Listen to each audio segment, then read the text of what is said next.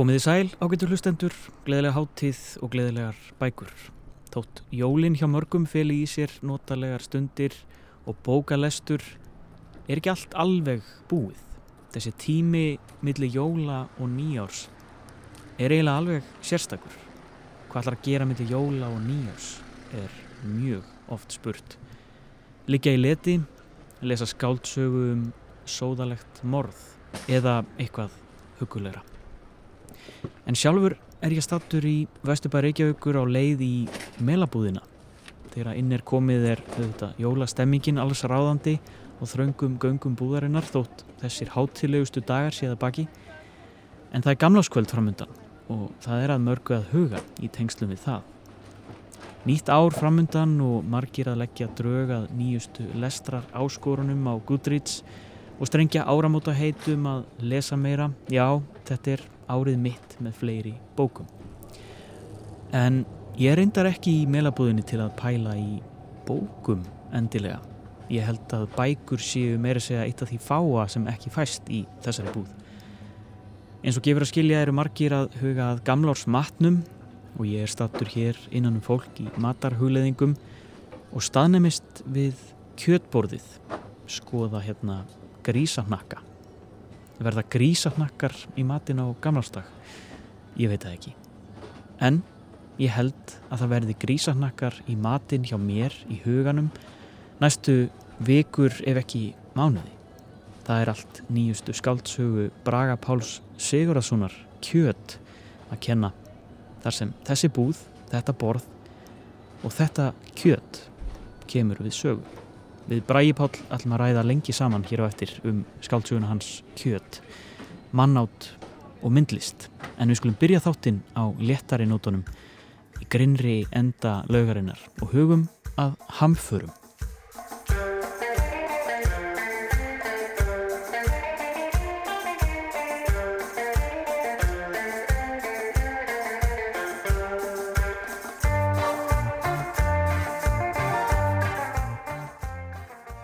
Auður Aðalsteinsdóttir, doktor í bókmyndafræði, var að senda frá sér nýja bók, Hamfarir í bókmyndum og listum.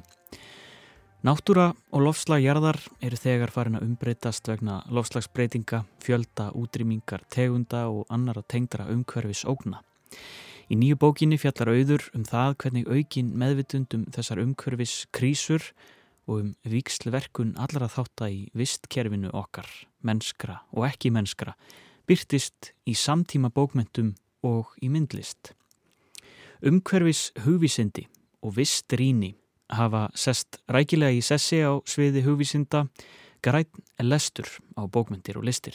Umhverfis hugvísindi og Já. vist ríni er svo, þú veist, eh, stórt fag. Á meðan við auður aðalsteinstóttir vorum að koma okkur fyrir í hljóðstofu rættu við aðeins um tilurð bókarinnar Hamfarir, rúmar 300 blaðsýður af hamförum og ógn. Ég spurði hana bara hreint út, var þetta erfitt? Að það er alltaf að koma eitthvað nýtt. Þannig að ég þurfti alltaf að vera, vera alltaf að hugsa, ó, oh, ég verði að taka þetta mig líka og ég verði aðeins að vísi þetta líka og þannig að bókin berði svolítið merkið að hérna, það, það er svo mikið. Það var erfitt. Já. Það var erfitt að stoppa.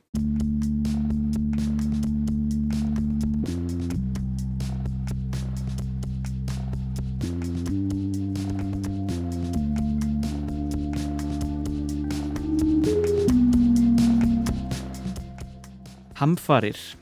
Þetta er uh, gefið út undir, undir já, nýr, merkjum nýra rítraðar þetta er háskólaútgáfan en svo er þetta sem sagt hulda náttúru hugvísindasettur sem gefur þetta út og þetta er fyrsta rítið Viltu kannski byrja að segja mér aðeins frá þessu setri?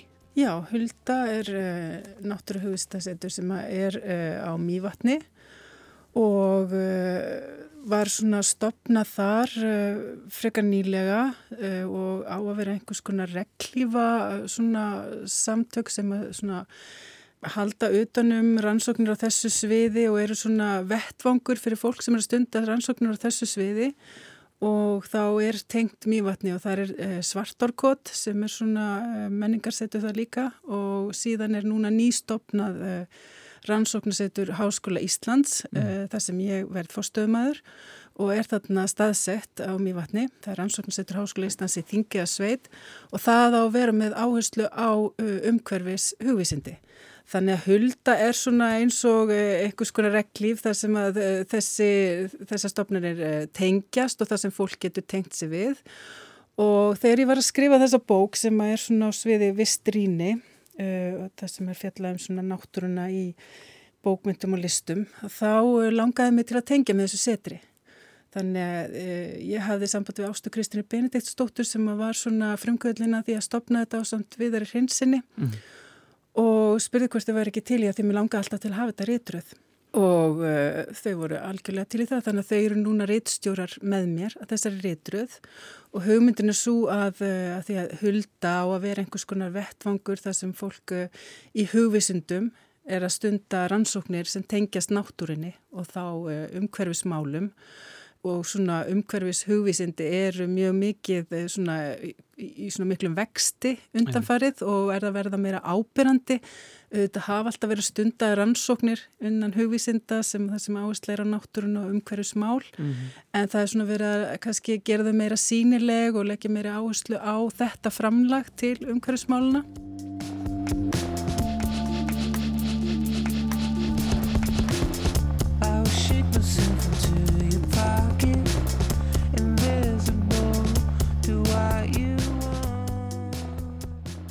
Og eins og segir þetta er búið að vera vaksandi sko rannsóknar svið innan bókmynda og lista bara af ímsum toga.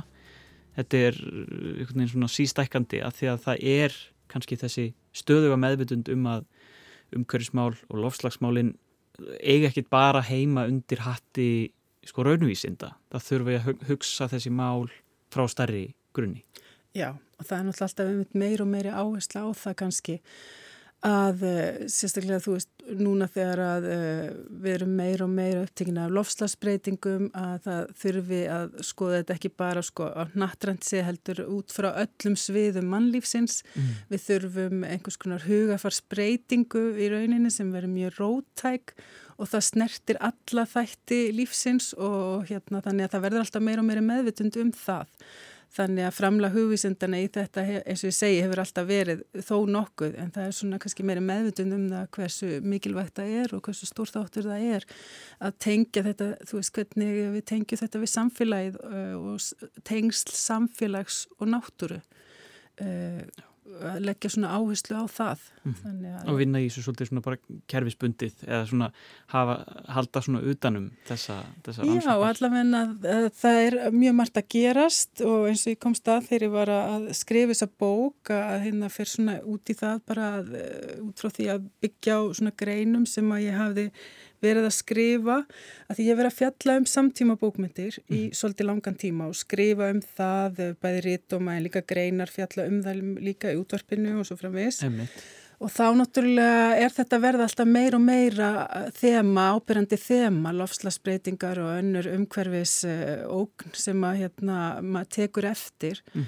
þannig að þetta er svona þráður sem ég fór alltaf að vinna meira og meira með og þegar ég fer síðan að vinna, fæ þess að hugmynda að vinna bók og skrifa greinar og síðan að reyna að byggja bókin á þeim að þá bara sé, þá er alltaf eitthvað nýtt að gerast, þannig að það eru svo margir auðvitað, af því að þetta er stóra málið í dag Já. að þá eru svo margir að vinna með þetta og svo margt frjótt að gerast og nýjar hugmyndir stanslust að fæðast og, og verða að benda á nýja hluti að hérna, þetta er náttúrulega bara svo ótrúlega skemmtilegt auðvitað að vinna innan þessa. Svolítið erfitt að fylgjast með líka.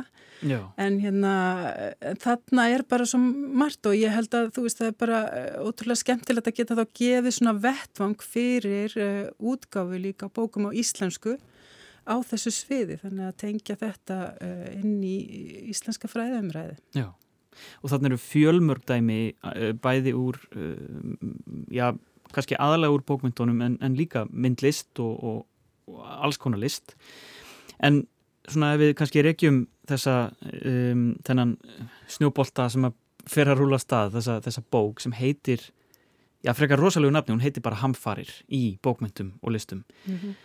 um, kannski bara tala þess um tilurð sko uh, þetta er eiginlega þrjár svona leikil, þrjú, þrý leikil kaplar og svo ertu með langan ingang og, og, og loka orð og undir þessu öllu ertu bara að skoða þá þrjú svona megin svið innan, innan þess sem einhvern veginn já, vatt upp á sig í tengslu við vistríni og, og hamfarir í bókmyndum og listum. Þetta er, þetta er mjög viðfengt. Já, þetta er þetta mjög viðfengt. Uh, já, þetta byrja á því að ég var svona fjalla um hamfarir í samtíma bókmyndum og svona kannski bera saman við uh, eldri bókmyndir og fór náttúrulega mjög fljóta að svolítið að snúast um það að auðvitað uh, erum við lesendur núna og hérna við erum alltaf að lesa þetta náttúrulega út frá okkar fórsendum og við erum náttúrulega svo upptekinn af því hvað er að gerast núna í kringum okkur í umhverfismálum. Mm. að það lita náttúrulega það hvernig við erum bara að lesa og tólka þannig að uh, til dæmis uh, sögulegu skáldskapur sem er skrifaður í dag uh, um kannski eldri hamfarir það er svolítið óhjákvæmilegt að við horfum á það út frá okkar sjónarhóli með þessa ógn sem við stundum framifyrir og tólkum svona svolítið út frá því og líka endur tólkum þá fortíðina út frá því. Og það er eina, eitt af því sem er að gerast í bókmyndunum meðal annars. Svona áskapandi hátt er verið að taka Eh, eldri hamfari til dæmis og tólka uh, eh, út frá okkar sjónarhóli mm. og þetta með að þú veist auðvitað það sem er að gerast núna hjá okkur á sér svo djúpa rætur, ég minna í innbyltingunni og jápil ennþá fyrir þetta er eitthvað sem er uh, þróun sem er búin að vera lengi að eiga sér stað en við erum kannski að horfa núna tilbaka og svolítið öðrum augum á það sem hefur verið að gerast ja. En uh, já, þetta byrjaði svolítið þannig og, og hérna fór síðan að snúast meira upp í það að, að horfa át út frá einmitt uh, vistríni og, og sérstaklega þá kenningum um lofslagsbreytingar og hvernig fólk, eh, hvort það er hægt að takast á við það í bókmyndum og listum og, og hérna hvort þetta er ofur hreinlega of stórt og yfirþyrmandi málefni til dæmis til að við e, náum bara einhvern veginn að höndla það og, og hvort að listformin okkar dugir til og annað, þetta er svona spurningar. Þegar ég fóra bara að lesa vistrinni og kynna mér þá er þetta svona það sem fólk er að takast á við og ég er svona e, svo þessi þrískiptin sem hún nefndi þá bara, þá, já, einmitt, þá fann ég svona þrjá þræði sem ég fannst vera gegnugangandi í þessum bókmyndum og myndlistaverkum sem ég hef verið að taka inn mm. að það er fyrsta lagi var það hérna þessi bara ógni með þessi yfirþyrmandi ótti og kannski hérna sorgarferði jafnvel áfallastreita já, áfallastreita og tráma og hérna sem að hérna fólk er svona líkisu við sorgarferði eða, eða áfallastreitu eða annað mm -hmm. og hérna og hvernig við erum einhvern veginn, hvernig við e, sálfræðilega e, erum að reyna að takast á við þetta mm -hmm. og hvernig listirnar koma þar inn í og ég vilja meina það náttúrulega til þess að svona vinna úr því þá sé kannski listin einmitt uh, gott tæki til að takast á við uh, svona sálfræðilega áföll og annað uh, og bara reyna að skilja hvað er að gerast til dæmis og hvernig, hvað áhrif það hefur á okkur og viðbröðin okkar. Já. Og svo í öðrum hlutunum er ég kannski meira svona farin á þetta svona móralska hlutan þetta með að reyna, höfundar eru auðvitað líka að reyna svona átt að segja á því sko hvað, hverjur um að kenna, hvað leikja rætutn vandans og er eitthvað hægt að gera og hvað, hvernig á að bregðast við og, og það eru auðvitað líka stórþáttur uh, í þessu. Og auðvitað hérna þar uh, virðast alltaf uh, kemur alltaf að kapitalismanum og hérna þessum stóru kerfum já, stóru já. kerfunum sem að vinna saman og hérna hafa leitt okkur einhvern veginn hingað og þessi þörf og því að við breytum uh, hugsunarhættinum í rauninu og umbyltum mm. í mhm. rauninni því hvernig við bara umgangumst umhverfið já. og síðan í lókin það sem ég finnst nú alltaf svolítið skemmtilegur uh, hluti Þá er svona, kannski ég kalla það svona posthumaníska list, eh, það er þetta með að eh, hvernig eh, listamenn og höfundar hafa svona fara, reyna að svona horfa á þennan nýja veruleika sem er þegar farin að blasa við okkur. Við erum náttúrulega bara komin inn í breytingarnar, þar eru þegar hafnar. Mm. Þannig að við erum að horfa stjögu við það að veruleikin okkar er að breytast og er orðin öðruvísi. Þannig að hvernig höfundar eru svona að takast á við það á skapandi hátt með sinni list á alls konar hátt sem að hérna, getur bara verið mjög áhugavert. Þannig að það er svona síðasti kaplin í þessu. Þetta er svona þrýr þæðir sem að ég sá og byggði bókin upp í kringum það.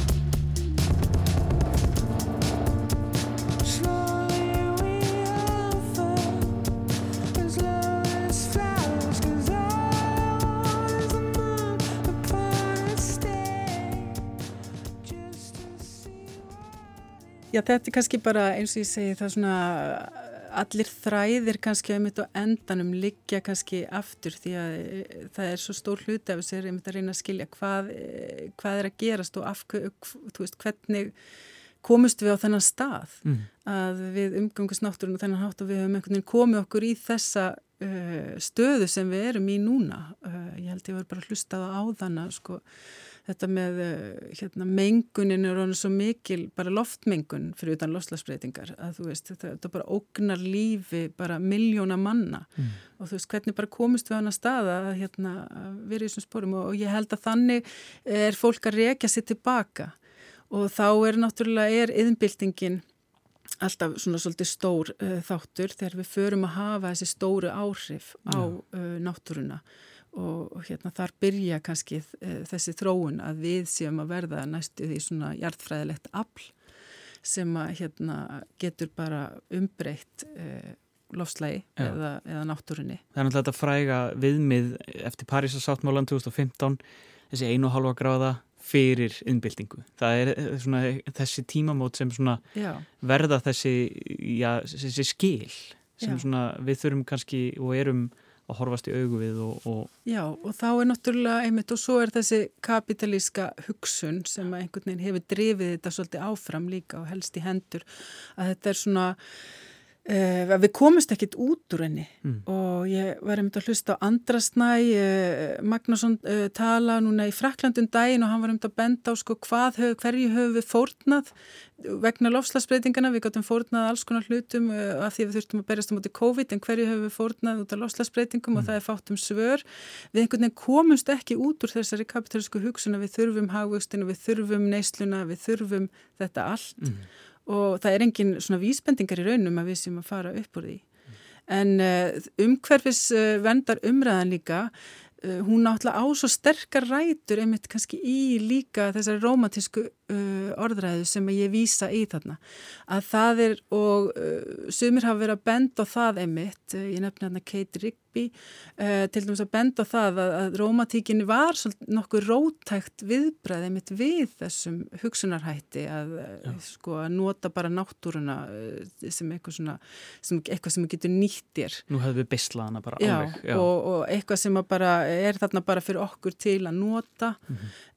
að, að romantíkin hafi verið verið einhvers konar viðbræð við því og það er náttúrulega bara kannski mjög, alltaf svolítið svona sterkur þráður í umhverfisvöndar orðræðinu yfir í romantík og stundum er það nota sem einhvers konar skammar yrði að þetta sé bara romantíst eitthvað, e, draumurar einhverjir, e, þá, en þá einmitt eins og ég er að segja þarna þá bendir Keitir Ríkby á það að þetta er, var rótækni og í rauninni e, einhvers konar uppreist gegn ja. þessum hugsunarhætti Þannig að í rauninni bara þegar maður fer að fikra sig svona til uh, baka til að reyna að sjá rætur, hvar liggja rætur umhverfisvendar uh, umræðinar og, og svona náttúru skrifa, svona, mm. þá, þá hérna og svo líka, þú veist, hvar liggja, liggur rót vandans í þessum umhverfismálum, það er bara, og þetta er það sem allir eru kannski að vinna með í þessum fræðum.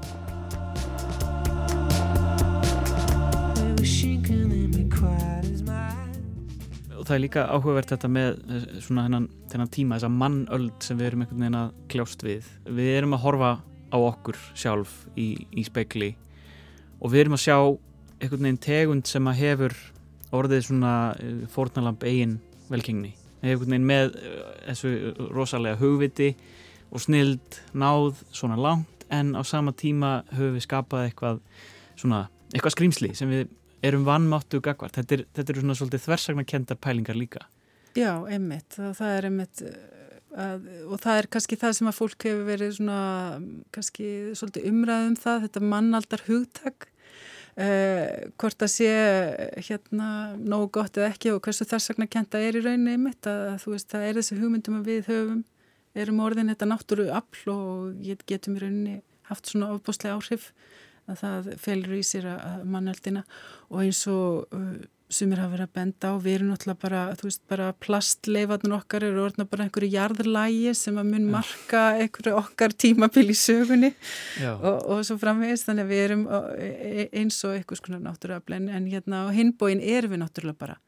Og það er kannski það sem að um, mætti segja kannski viðbröðin við þessum uh, mann hverfa hugsunarhætti sem enginn er mannheldina, er kannski það að menn er að reyna að uh, fara út úr því og reyna að hugsa þetta meira, við erum bara hluti af náttúrunni, við getum ekki haft til þessi, þessi aðskilnað millir menningar og náttúru. Uh, menningin okkar er hluti af náttúrunni við, og hérna við erum við getum ekki bara nýtt eh, náttúrun eða eðilagt hann að sé svona, ég meina við erum náttúrulega bara eða okkur sjálfum líka. Þannig að þetta er uh, já, þetta er einmitt þessi þversögn sem er í þessu uh, hugtæki og, og hérna hvað við erum bæði uh, virðumst kannski ofbóstlega voldug en síðan hérna erum við kannski í rauninni mjög viðkvæm líka að því að uh, eins og visskerfin virka þá náttúrulega þarf bara einhver staðar mjög lítið til að eitthvað fara úr skorðum og þá getur heilt visskerfi bara hrunið. Emitt, um, þetta er náttúrulega rannsóknarsvið sem að á nóg inni og þið eru komin vel að staða þarna í, í þessu verkefni með huldu og þú ert bara að fara fullt í þetta í, á næsta ári, eða ekki? Jú, við erum bara, hérna, ég er að fara áfyllt í þetta í þessu uh, nýja rannsóknarsetri háskólans uh, sem að hérna, verða þannig í Þingja sveit og það á einmitt að vera helgað umhverjus hugvísundum. Þannig að það verða svona ímis verkefni þar í gangi og þessi réttröð uh, sem tengist huldu verður bara, fer núna á fullt og, og þar verður bara, hérna, lögð áherslu á bara rannsóknir sem tengjast samspili menningar og náttúru. Auður Alseinsdóttir, takk hjá það fyrir komina í þáttin. Takk.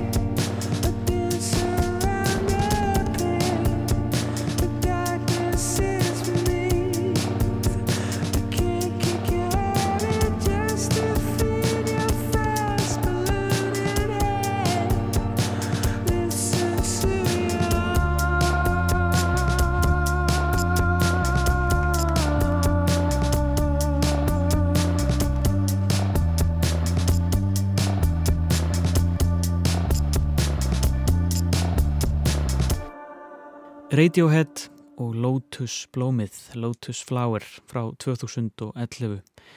Lotus blómið tákn hreinleika og þraut segju þegar þú evast um virði eigin sjálfs skaltu muna Lotus blómið stendur einhver staðar skrifað. Jafnvel þótt að spretti til lífsins undan moldar svaði leifir blómið ekki örnum að hrópla við vexti þess eða fegurð.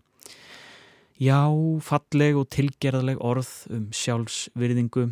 Þetta var smá öndunaræfing því við ætlum næst að taka dífu í þættinum og fjalla um mann átt.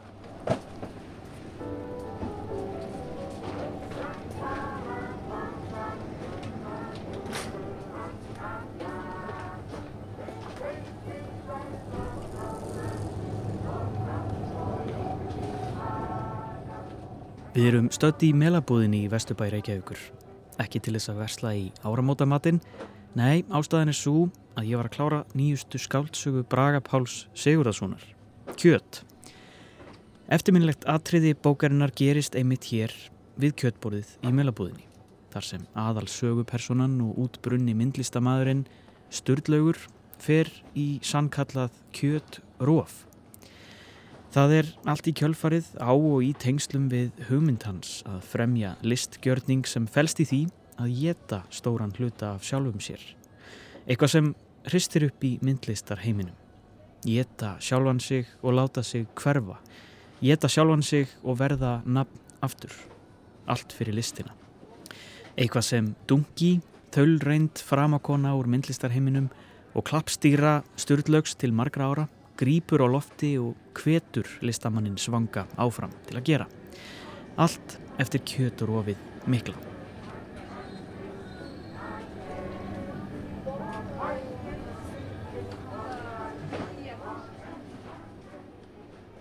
Og allt í einu var ég stættur í melabúðinni með störu á úrbeinaðan grísanakka. Ég þuklaði ómeðvitað á nakkanum á sjálfu mér og fannst hann mjög rýr. Vil enn rýrari ef búið að vera fjarlægi á úrnum beinin. Þetta var ekki neitt neitt, sínar og bein. Gæti ekki séð fyrir mér hvernig einhver ætti að hafa áhuga á því að borða svona nakka eins og minn. Geti ég eitthvað aðstofið? spurði ungur strákur bak við borðið. Ég rökka þessu við. Leitt hægt upp á hann og náða að ropa því út að ég væri bara aðeins að skoða. Eins og ég væri stattur í fataverslun að velta því fyrir mér hvort ákveðin litur af rúlukrapeisum færi saman við brækvölda mínar. Strákurinn áttaði sig ekki á því hvað ég var bjánalegur og sagði mér að hóa bara í sig þegar ég væri búin að ákveða mig.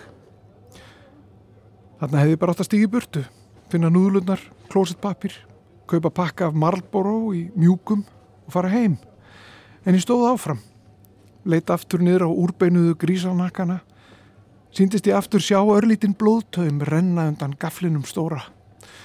Nánast eins og svíninu hefði verið slátra bara rétt áðan og því var enn að blæða út. Einhver rakst í mig og pantaði sér stuttu setna keilu í læm og hala penjósósu fyrir svona fjóra. Alls konar hálf útfylltar glefsur úr langtímaminninu lágu í gegnum meðvitund mína. Var ekki alltaf sagt að það kjöt sem var í líkast mannakjöt eða bræði og áferð var í svín? Mér myndi það. Átti ekki George Clooney gælusvín í mörg ár. Þau hefur vist að vera brjálæðislega greind og með mjög fjölbreyta persónuleika. Látt mig fá svona 16 kótilettur. Vá, það er rosa mikið á kótilettum. Hvernig persónuleika ætli þetta svín hafi verið með? Áttu það í flóknu sambandi við móður sína? Annar maður í kvítum slopp með glansandi skalla en þund músalitað hár í krans utanum höfuðið spurði aðeins kvassari en strákurinn áður hvort ég væri búin að ákveða mig. Ég hristi bara hausinn annars hugar og held áfram í störu keppni við úrbeinuðu grísanakkana. Er það ástöðu þau? Já. Many a hand has the grand old face of the plateau Some belong to strangers and some folks you Holy Ghost and talk show Hvernig borðaður uh, svínanakka síðast? Uh, svínanakka? Ég man ekki til þess að ég hef sérstaklega borðað svínanakka sko. en hérna, ég hef ekki borðað kjöt sko í 8 ár. Borðað ennþá fisk og neyti mjölkuvöru og og svo leiðis hunnang og eitthvað. En ekkert, ekkert kjöt í, í átt ár. Svína nakka, þú veist, eflust eitthvað sem bann hef ég borðað, sko. Og þetta bara svo fyndin hluti til að spesifera hérna, þetta er alltaf til eiginlega í öllum kjötborðum þetta er alltaf nýtt af svínunu bara er fín biti. Og hérna já, þetta er svo oddly specific hlutur til þess að hérna, tiltaka sérstaklega því að sko, minnst hlutir eins og lundir og hérna uh, síða og eitthvað svona er svona svolítið ónákvæmir upplifið ég mm -hmm. af dýrum. En nakki er bara þarna aftan á höðunaður skilur við, mm -hmm. alltaf. Og ég geta það eitthvað neginn svona, svona svolítið sérstakt sko. Já, sko svínanakkar koma svolítið hressilega við sögu hérna í upphafi um, upphafi bókar þá stendur okkar maður störtlögur í melabúðinni mm -hmm. og hann svona stríkur um nakkan þegar hann horfir á þetta mm -hmm. uh, borð Einmitt. og fer í það sem kallast kjötróf um, getur þú sagt mér aðeins bara fyrst hva, hvernig, svona, hvernig lýsir svona kjötróf sér? Sko ég hugsaði með mér þarna er hann náttúrulega á ákveðnum lágpunkti í lífisinu búin að vera kannski lengi og hérna og svo kemur eitthvað svona uh, búið að planta einhverju óþægilegu frægi í höðun á honum eða hann er búin að planta því eða hvernig sem það er sem er þetta að hann uh, hann eigi kannski bara að borða sjálf á sig til þess að hérna, gera eitthvað fyrir sinn feril eða hérna, til þess að koma sjálf á sér í kvarf og þú veist, það setur hann í svolítið óþægilegt svona hugarástand. Hann er að reyna að íta hugsuninni frá sér hann er að, hann er að reyna hérna, einhvern veginn hugsa um eitthvað annað eða bara sofa sig í gegnum þetta. Mm. uh, en á endanum þá er þetta eitthvað svona, eitthvað svona prismi sem er, er stilt inn í honum sem að fer að sína honum allt í öðru ljósi. Og þá fer hann einhvern veginn að upplifa í fyrsta sinn kjöt af öðrum dýrum í öðru ljósi og eitthvað sem hann er aldrei, aldrei eins og hann segir inn í bókinni aldrei, aldrei nefnt sérstaklega velta fyrir sér. Þú veist það eru til græmiðsættur og það eru til kjötættur og hann er eina af þeim. Og þannig að þegar að hérna, þessi verping er búin að eiga sér stað þá uh, fer hann hann inn í eða þessi verping er eiginlega að gerast þá fer hann hann inn í melabúðun og fer að horfa á kjötborðið sko, og velta því fyrir sér hvað þetta sé sem hann sé að horfa á þarna. Þú veist, að þetta sé í rauninni hlutar af hugsandi og andandi og lifandi veru sem, sem er búið að sneiða þarna niður fyrir framann til þess að hann geti borðað. Og hann fer í svona ákveði róf þarna sem ég kalla kjötróf þú veist og það tengis kannski kjötur en það tengis líka kannski bara því að hann er einhvern veginn að upplifa sjálfa sig hérna á einhverjum stað þar sem eitthvað verður að fara að gerast. Að verð, þú veist, hann, hann langar svo að spilna sér frá botninum en veit ekkit hvernig hann á að gera það. Mm. þá kannski subconsciously eða eitthvað hann að láta sér dreyma um það að kjötið geta okkur nátt bjargað honum. Að það að borða bara kjöt skilur, eða það að taka inn aðra lífverur geti einhvern veginn umbreytt honum í þær og hann geti tekið inn hluta þeirra reynslu og upplifun og minningum og, og persónuleika í gegnum átið sem er náttúrulega líka eitthvað sem við sjáum í gegnum hérna, mangirsöguna oft hjá hérna, þá er, er ofta rætt um þetta. Þú ert náttúrulega það sem þú borðar eitthvað sem við segjum mjög oft en, en þetta að borða andstæðingar sína til dæmis í stríði að borða hjörtun úr fólki, að borða heilan úr fólki að þá sést að öðlast hugur ekki og öðlast hugsanir. En um leiður þetta eru dýr þá einhvern veginn aftengi við það. Þannig að hann álítur sig vera að komast í eitthvað kjötróf þarna þar sem hann bara einsetur sér það svona óvart einhvern veginn smánsaman að, hérna, að verða svínið sko, að taka inn það og einhvern veginn uh, já, íta sér frá botninu með, með því. Já. Segð mér aðeins frá þessum manni, Sturlugur, hann er, hann er myndlistamæður en, en er ekki á góðum stað eins og segir. já, Um, en hafði afreikað mjög margt. Já. Uh, segð okkur aðeins frá bara þessum, þessum gaur. ég sko hann kemur eiginlega til mín hann stulluður eftir að ég fekk þessa hugmynd um þetta sjálfsátt Það, er mí, sko, mín tilfinning sem hann lýsir sí, síðan stundum sem hérna, rótinni að þessu er að oft að ég upplifi krefindi tilfinningar þá langar mér bara að hverfa. Mér langar bara að vera ekki til lengur og þessar tilfinningar séu ekki lengur hluti af mér. Mhm. og það séu ekki að eiga sér stað neins og það er tilfinning sem hann ber með sér og að bera með sér síðan á bann og hún einhvern veginn manifestar sig í því eða holdgerist í þessu, þessum sjálfsáts hugmyndum Mm. og að því að hann hefur náttúrulega feril sem hérna, myndlistamæður og gjörningalistamaður þá hérna, fer hann einhvern veginn að púsla þessu öllu saman um það hve- hvernig þetta geti orðið. En þarf síðan ákveðna hjálp sem hann fær hann frá gamalli vinkonu sinni, henni Dungi sko ég upplifu mína personur alltaf sem þú veist, ég- upplifu það að vera rithundur sem svona hérna, uh, dúkuleik þú veist, ég er bara að leika með dúkur og, hérna, og láta þær gera og segja alls konar hluti til þess að ná fram ykkur, ykkurum ákveðnum effekt eða hérna, upplifunum eða tilfinningum hjá leysendum og ég upplifu líka að mína personur séu bara svona faratæki fyrir söguna ég, þú veist, aðrir höfundar eru opaslega góður í því að fara mjög á dýftina með sína persónu, skoða þeirra innstu þrár og langanir, hvað þau fæðist með, hvaða byrðar þau taki síðan á í æsku og síðan hvað mótið það er og hvernig það er komið síðan út í lífið, sko. Mm. Uh, og ég, ég geri þetta upp að því marki að, að persónan þarnist þess, en síðan hef ég engan sérstakann áhuga á því að kanna þær persónur neitt mikið frekar. Uh, þú veist, mér þykir alveg væntum það er og sérstaklega þegar þú ert inn í höfðinu og einhverju fólki árum saman að skrifa sögu þeirra, einhverju uppdiktaða sögu þá fer að bera ákveðna tilfinninga til þeirra Mhm.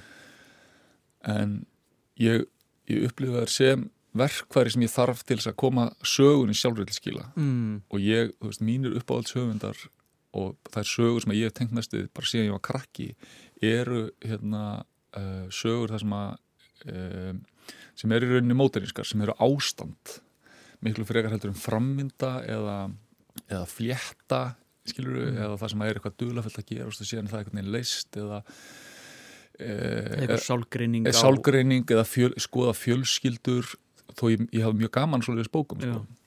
en þá fíla ég sögur þar sem er þú dvelur í ástandi e, eða flakkar á milli ástanda e, og ert að skoða fólk þar eða ert að skoða tilfinningu lesandans þar jafnvel mm. og, og ég fæ mjög oft þú veist þá hérna, það er umsagnir frá lesendum að bækuna mínu séu hérna, þeim hafi einhvern veginn mistekist vegna þess að lesendur líður illa þegar þeir eru að lesa þeir og að því að þær eru ógeðslegar að þá séu þær ekki að ná tilgangi sínum sem Mm. er mikill miskilingur ef þeir líður illa og þú leggur bókina frá þér og getur ekki að halda áfram þá, mér, þá tókst mér það sem ég ætlaði mér skilur við að því að sumum listaverkum er ætlað að láta fólki líða illa.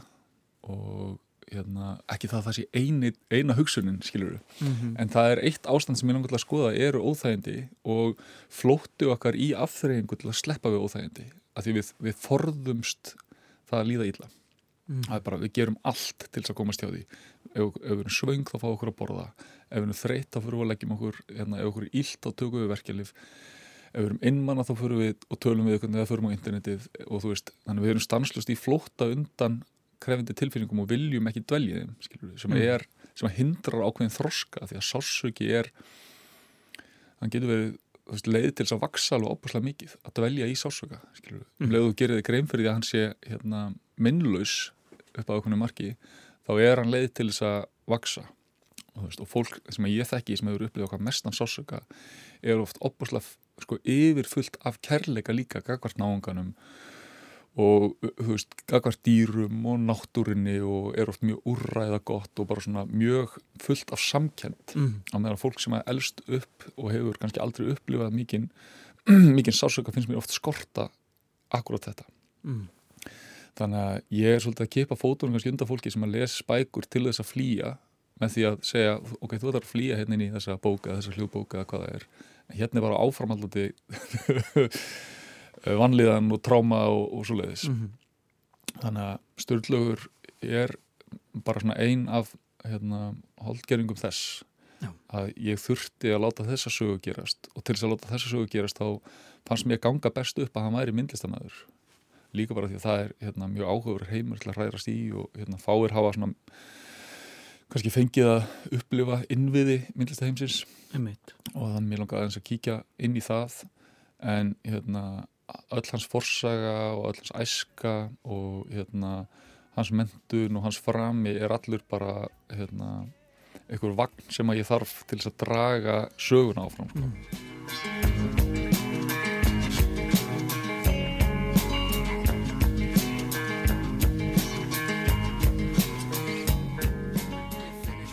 Hvernig bara kynnaðir einhvern veginn myndlistaheimin? Þú veist, langaði þið eitthvað tíman að vera myndlistamæður sem að verði eitthvað svona gamall myndlistamæður í þér eða? uh, Ég er engin myndlistamæður sko.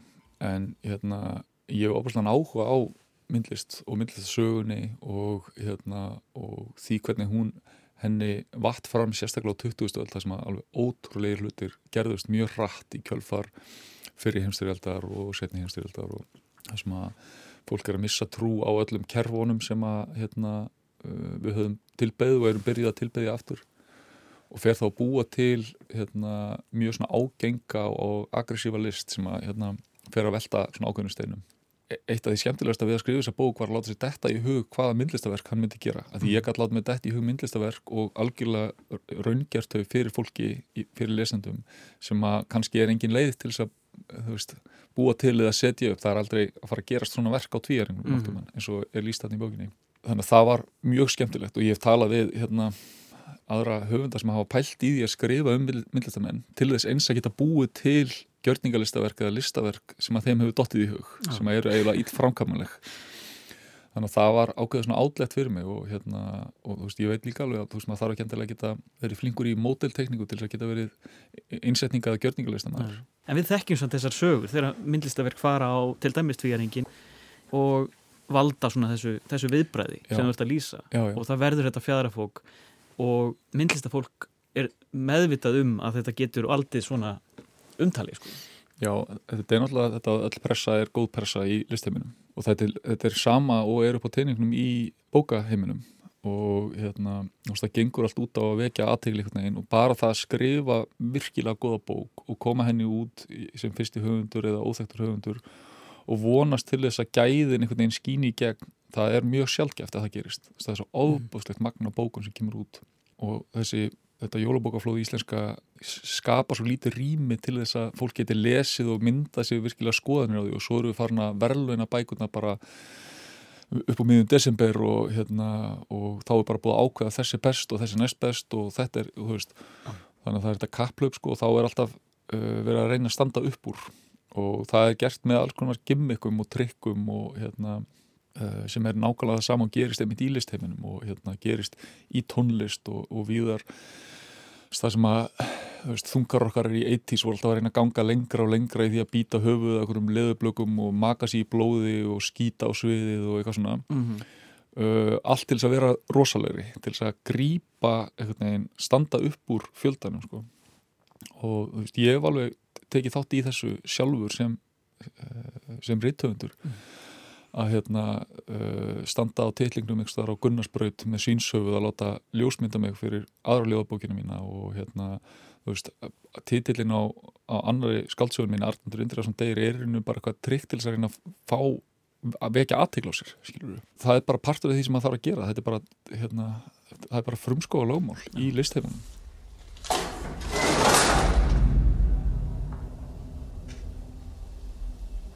A census taker once tried to test me. I ate his liver with some fava beans and a nice Chianti.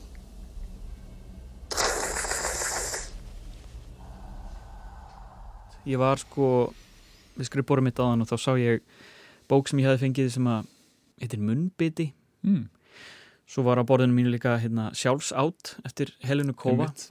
og svo bókin þín og svo ljóðabók sem heitir Manna kjöt Já. ég veist að bara það er, það er verið að þjarma að mér hérna, með uh, kjöti og, og mannáti. hefur þú kynnt þér sögu mannátt svo, því það er aðeins fjallað um það í bókinni svona hvernig, hvernig mannátt uh, hefur bara verið meðal uh, einhverja menningarhópa Mm -hmm. og hvernig það var í sögunni. Þetta heitlaði lengi. Uh, já, eða kannski ekki lengi sko, en þetta, er samt eitthvað sérmerandi það er kolránt orð, ég ætla að taka það tilbaka það er eitthvað mjög áhugavert við sögur af fólki sem að neyðist til þess að borða félaga sína Mm.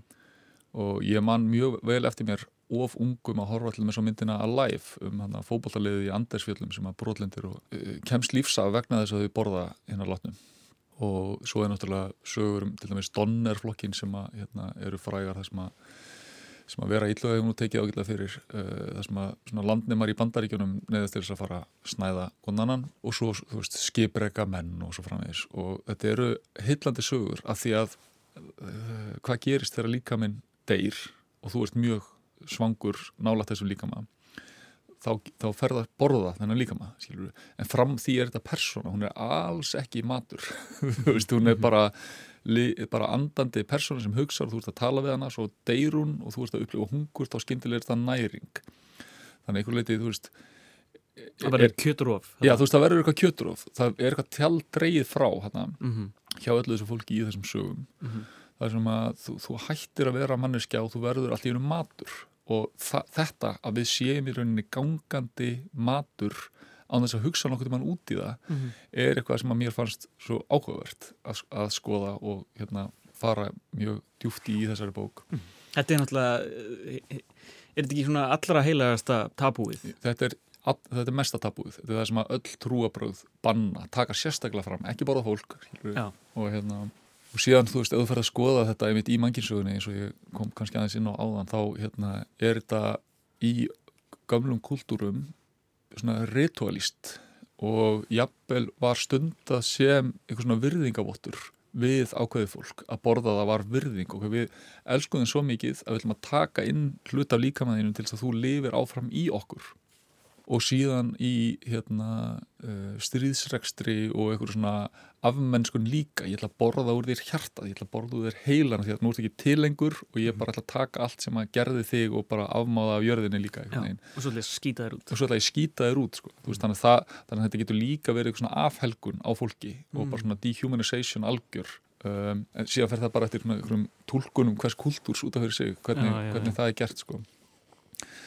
og þú veist, sögur af hérna, einhverjum svona frumstæðum mannætum voru náttúrulega uh, lengi þú veist, fram á uh, 19. og alveg inn og 20. stöldin eitthvað sem fólk var að heyra og þetta var bara hryllilegast sem gæst lendi í þú veist, í tinnabókum og einhverju svoleiðis að menn eru komnir ofan í pottin og mannætunar eru í strápilsum að dansa í kringum því, þú veist, þetta er bara svona martraðakjönd hérna, sena, þú veist, að einhver sé að fara að geta þig þú veist, þetta er bara, maður vill ekki að það borða sig þannig að ég þú veist, lagðist alveg í einhverja rannsóknir og púslaði þetta sama við einhverja svona mjög lasnar hérna, gamlar minningar sem ég átti af fólki að stunda mannátt og veist, ég hef alveg, veist, þetta er eitthvað sem að kemur mjög oft upp í, ekki oft upp í en, en fólk talar alveg um mannótt og ég oft hýrt fólk tala um það að ef að mér staði til að borða mannakjöt, þá myndi ég líklega gera það bara að sjá hvernig það væri skilur. þannig að þessi forvitni er líka til í okkur að íta á rófan og prófa að upplifa mannesku sem mat en ekki sem mannesku skilur. þannig að þetta er þetta tóðast greinlega á í okkur og er til ykkur staðar í okkur. Og þú veist,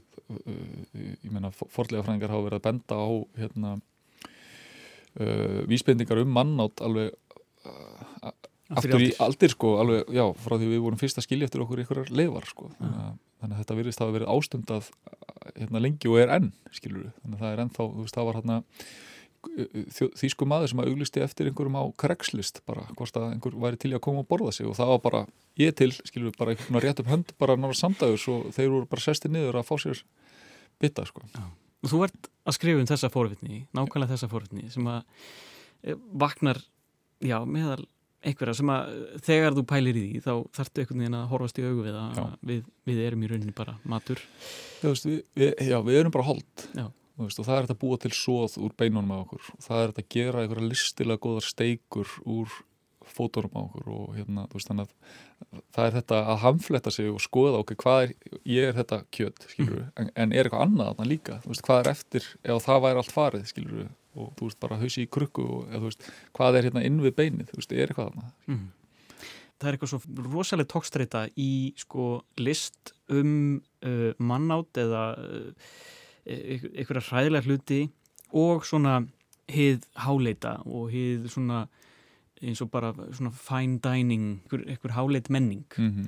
og list, bara þú veist eins og í Silence of the Lambs eða eitthvað svona, það sem er einhvern veginn þessi, uh, þetta stefnumót Mhm. verður, veldur einhverjum svona rosa óþægilegum tilfinningum einhvern veginn þar, þar finnst þér ágætt að vera Já, þú veist, vegna þess að ef að, hérna, ef að mannakjöt er sett á uppbóð, þá eru þeir ríkustu munu vinna Þannig með, og líka, þú veist, ég, ég vildi skoða það sem ég upplifi vera fólk að selja tíma sinn. Veist, við mætum í vinnu á mótnana og vinnum í um það 8 tíma og við erum þá að selja tíma okkar. Það er mjög fáir sem að kannski einhvern veginn rammaða þannig inn og við erum að selja hluta af líf okkar í þessa 8 tíma þar sem við erum ekki með börnunum okkar, við erum ekki að ásunda áhuga málun okkar, við erum ekki að hanga með vinum okkar, við erum ekki að gera það sem að kannski uh, okkur langar til að gera, okkur lakar til að gera þegar þessum tíma líkur, þannig að þannig erum við að gefa part af líf okkar sem að kemur aldrei tilbaka og listamenn sem að ég hérna, uh, þekki eru í listum og listsköpun af einhverju svona knýjandi þörf af því að þau bara geta eiginlega ekki annað. Þau bara verða að skapa og verða að búa til list og afþrengu og upplifanir fyrir fólk. Og átta sig á því mjög fljótt hvað þetta er ofbúðslega illa borgað og mikið, mikil barátt á ströggl og hark en er halda samt áfram að gefa lífsitt í þetta að verða öðrum til aðþreyingar og skemmtunar. Og mér langaði til þess að ramma inn sko mannátt, það að skera hluta af líkama sínum, það að aflima sig og láta elda það og gefa ykkur að borða sem listsköpun. Veist, ég er að búa til hérna veist, steiktan kálfa, skilur fyrir þig og láta, ég er með Michelin kokk hérna sem er að elda þetta ofan í þig eins vel og hægt er að handera þessa tilteknu steik. Þetta er mín list til þín, skilur þetta er rauninni það sem listamenn er að gera flestir góðu listamenn daglega eru að skera úr sér verstu minningar sínar og upplifanir og búa til ykkur afþreyingu úr því. Myndlist eða tónlist eða bækur. Eitthvað fyrir fólk til þess að upplifa og segja hm, já þetta var ágætt, þrjástjörnur eða eitthvað svo leiðis en samt halda þau áfram, alltaf, halda, halda áfram halda áfram, þannig að þú getur ekki borga reikningana og fara að gera eitthvað annað. Og þetta er hinn endanlega fórn.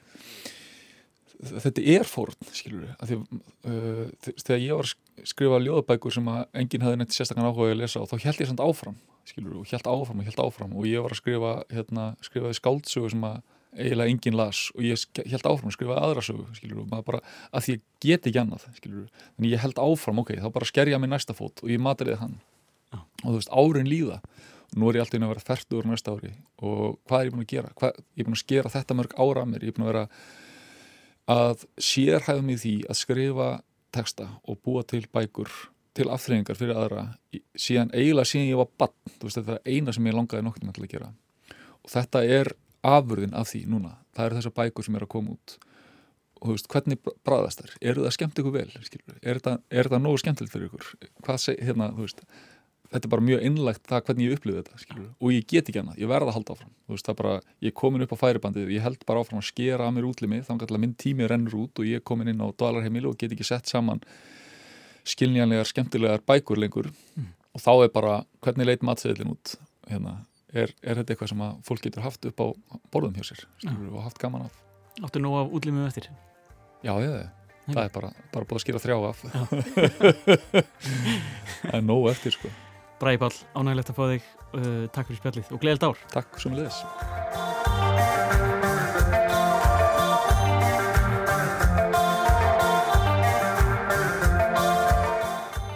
Þá er þessi þáttur á enda.